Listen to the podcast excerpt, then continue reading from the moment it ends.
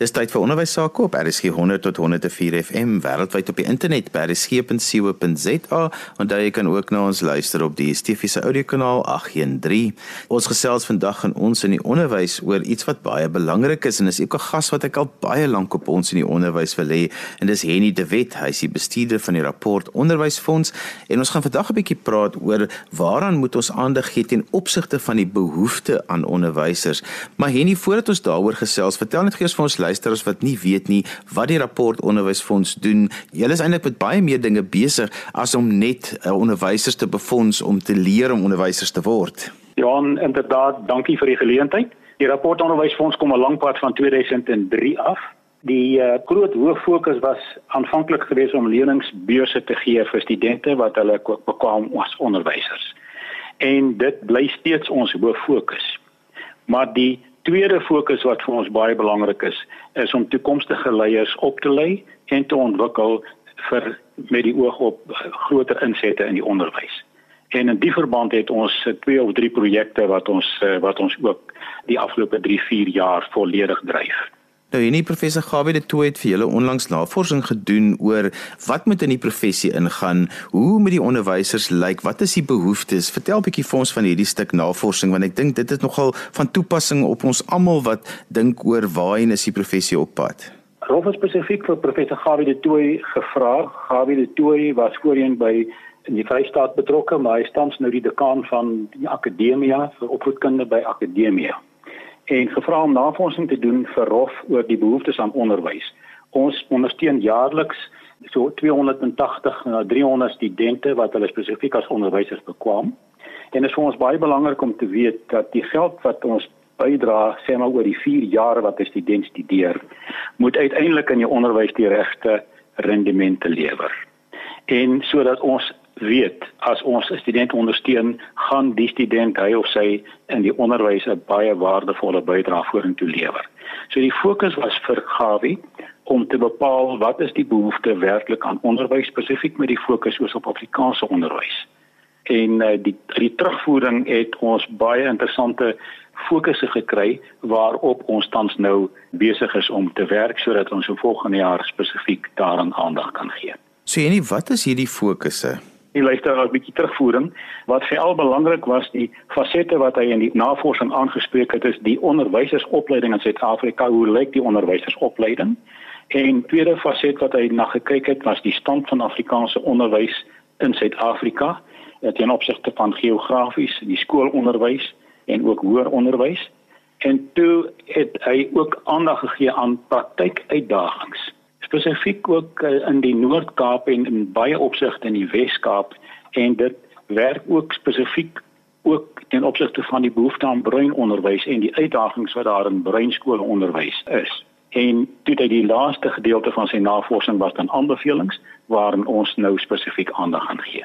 Wat die aanbevelings betref wil ek uh, in kort net sê dit sny eintlik op drie verskillende terreine. Uh, nommer 1 gaan oor die kwessie van watter fokus is belangrik. En wat intermediêre fase betref, is dit vir studente wat Afrikaans neem, dis geweldig belangrik Afrikaans as vak, maar ook wiskunde, natuurwetenskappe wat hulle in hulle kurrikulum moet insluit. Dit word derhalwe nou een van die fokusse vir ROF. Studente wat spesifiek wiskunde en natuurwetenskappe insluit, is 'n prioriteit. Johan miskien net ook beklemtoon dit is baie belangrik dat die studente wat grondslagfase doen moet spesifiek wiskunde as dit kan op die gewone graad binne in hulle uh, kurrikulum insluit. Jou grondslagfase onderwyser is die een wat die grondslag in wiskunde lê. En dit is absoluut belangrik dat grondslagfase onderwysers onderlê moet wees in wiskunde en dit sal vir ROF een van ons fokusse wees. Wat die seniorfase betref van Engos en die VOO, is daar ook drie fokusse en dit is Afrikaans as vak, wiskunde en wetenskap en rekenkunde in hulle kurrikulum insluit. Dit is die sleutelsvakke wat ons ook graag in die onderwys wil bevorder want dis ook vakke wat vir die verdere studie aan universiteite van baie groot belang is.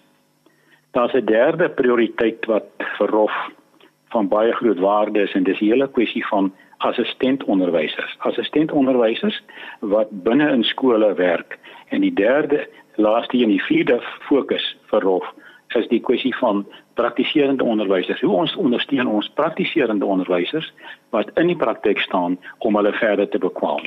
En hier dink ons aan die ondersteuning om honeurs en meestersgrade te doen in spesifieke vakke en ook ten opsigte van skoolleiers, onderwysleiers, skoolhoofde, senior personeel, uh, persone wat uh, belangstel in bevordering om te kyk of ons onderwysers kan ondersteun om ook kursusse by te woon wat vir hulle kan bemagtig.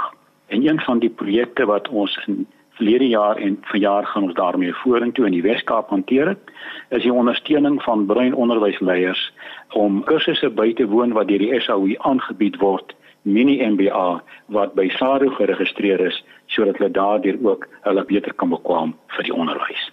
Want dit is nogal belangrik nie as ons na kyk na onderwysers om hulle op te lei dat ons mooi sal dink oor wie gaan ons in die professie instuur so wat jy nou gesê het hierdie aspekte is dit dan iets waarna jy kyk as onderwysers by julle aansoek doen vir befondsing. Dit is spesifiek waarna ons kyk as 'n prioriteit.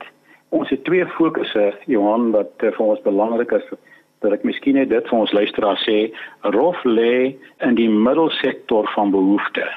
En daarmee bedoel ek dat studente wat briljant is vir die onderwyskandidate kry normaalweg Fondsaloosake beurse wat hulle volledige studie betaal en met enigste vereiste dat hulle na afstudering vir die aantal jare wat hulle ondersteun is terug moet skool hou by 'n departementele skool waar hulle aanstelling kry. Hulle het ook 'n voorkeur by aanstellings want die departement plaas eerste studente wat Fondsaloosake beurse gekry het omdat hulle gekontrakteer is deur die departement.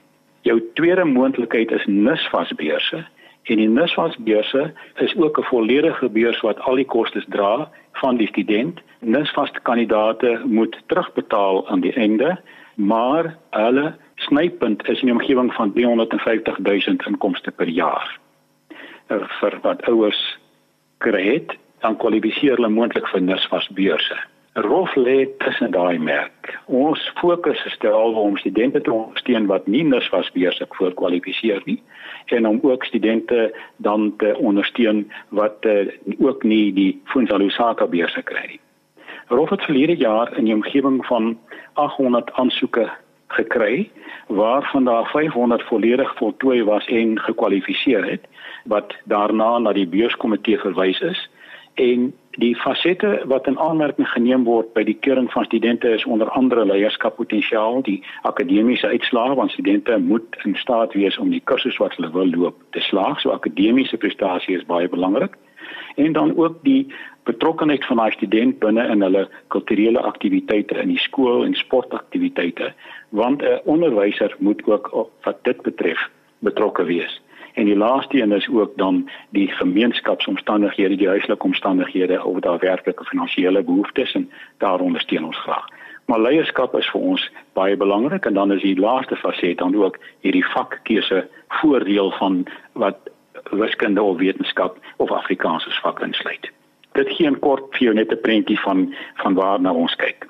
Wat onderwysers betref, opleiding betref, wil ons baie graag onderwysers in wiskunde of enige ander vak wat met hulle honeursgraad aangaan ondersteun ons graag en ons het van jare totaal van 15 aansoeke gehad van onderwysers wat hulle verder wil bekwam met 'n honeurs in 'n spesifieke vak. En nie die bekommernis is mos nou maar dat daar nie genoeg mense opgelei word as onderwysers nie in jaar na jaar is daar net 'n tekort en dit raak net al hoe erger. Wat is julle opvatting hiervan? Wat is julle ervaring van hierdie tendens wat 'n mens optel? Johan, die die terugvoering wat ons kry is dat daar baie groot behoeftes aan spesifieke vakke en spesifieke gebiede is. Uh, op hierdie stadium is is die terugvoering dat daar veral in die, in die Wes-Kaap en in die Oos-Kaap en in die Noord-Kaap is daar 'n baie groot behoefte tekort aan onderwysers wat spesifiek in Afrikaans uh, kan kan klas gee en kan onderrig gee. Ek het 'n uh, terugvoering gekry van die departement van Noord-Kaap net om 'n bietjie prentjie te gee van wat is die behoeftes daar en dit is in kort die volgende: onderwysers wat in al die fases in medium van Afrikaans kan onderrig. So dis af onderwysers wat Afrikaans magtig is wat in al die fases in Afrikaans kan onderrig. En dieselfde tendens is ook in die Oos-Kaap waar daar 'n geweldige groot behoefte is aan onderwysers wat in Afrikaans kan onderrig. En daarom is dit vir Hof ook belangrik om binne in daardie spesifieke gebiede te soek na onderwysers studente aansoek van studente wat in staat is om Afrikaans te onderrig wanneer die skole het dit werklik nodig. 'n Tweede een is ook onderwysers wat in medium van Afrikaans kan onderrig in lewensvaardighede, lewenswetenskappe, aardrykskunde, die besigheidstudies en die rekeningkunde. En dan wat laaste een wat belangrik is, onderwysers in laer en hoërskole wat Afrikaans as taal kan onderrig. Ons het terugvoering gekry dat sekere skole is wat nie 'n onderwyser het wat Afrikaans as vak kan onderrig nie en dit is aspekte wat ons dringend aandag aan wil gee. Die Rolfraad van Trustees het nou in Februarie vergadering gehou en ons het daar 'n besluit geneem dat uh, ek en ons sal op hierdie stadium werk aan 'n dokument wat die behoeftes aan onderwysersopleiding uh, uiteensit sodat ons dit aan al die skole kan stuur. Skoolhoofde so wyd as moontlik binne ons netwerke wat ons beskikbaar kan stel om vir hulle 'n idee te gee van watter kwaliteite en watter vak rigtings daar spesifieke behoefte aan is wat Rof wil ondersteun in die hoop dat skoolhoofde ook kandidate in die skole sal identifiseer om hulle ook tot die onderwysberoep te laat toetree. Nou, jy het in die eerste gedeelte van die program gesê Henny dat ons ook 'n bietjie moet gesels oor die ondersteuning van assistent onderwysers. Nou, ek dink dis 'n konsep wat nogal vir die breë publiek daar buite nie altyd so bekend is dat 'n mens met assistent onderwysers ook kan werk nie. Johan baie dankie. Dit is absoluut noodsaaklik dat ons daarvan kennis neem want dit is 'n model wat vir kinders, studente 'n geleentheid gee om binne 'n eie omgewing te bly en wat geweldig kostebesparend kan wees. Die assistent onderwyser model behels die volgende dat 'n student wat uh, klaarmaak met graad 12 binne in die eie omgewing by 'n skool betrokke raak.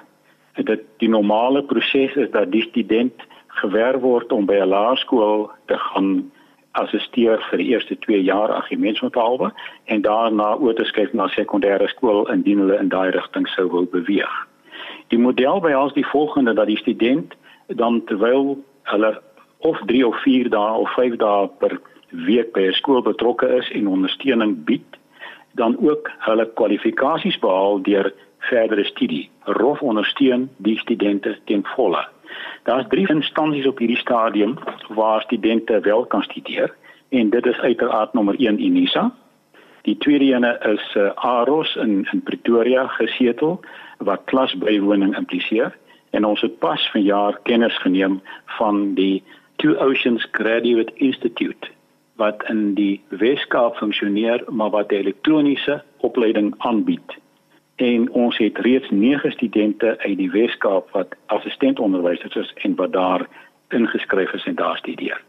Die model impliseer dan dat 'n onderstudent uit die huis kan by die vanuit die huis by 'n laerskool of by 'n hoërskool gaan assisteer, 'n klein bedrag wat die skool kan bekostig vir hulle betaal.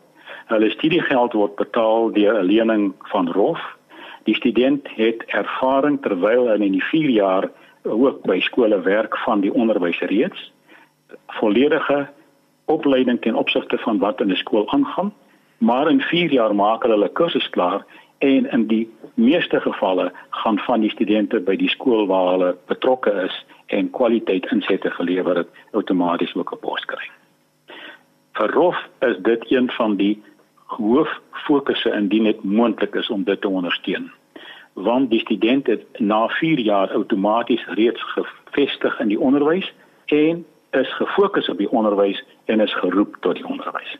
Ek sou graag met jou verder daaroor wou gesels as dit nodig is en ouers is welkom om op te skakel want dit bied 'n geleentheid aan 'n student om op enige plek in die land by hierdie proses betrokke te raak. Ons gaan ook dit baie sterk onder skoolhoofde se aandag bring uh, om op hierdie wyse ook in eie gemeenskap studente binne 'n gemeenskap te betrek.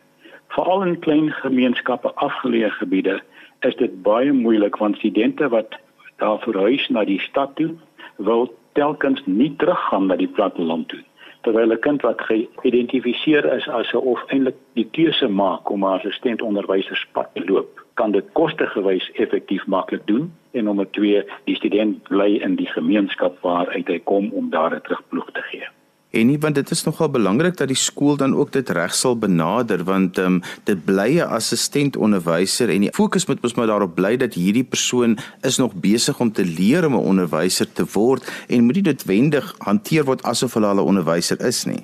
Dit is heeltemal korrek. Dit is nie 'n onderwyser nie, dit is 'n assistent onderwyser wat ondersteunend in die klas vir 'n onderwyser ondersteun.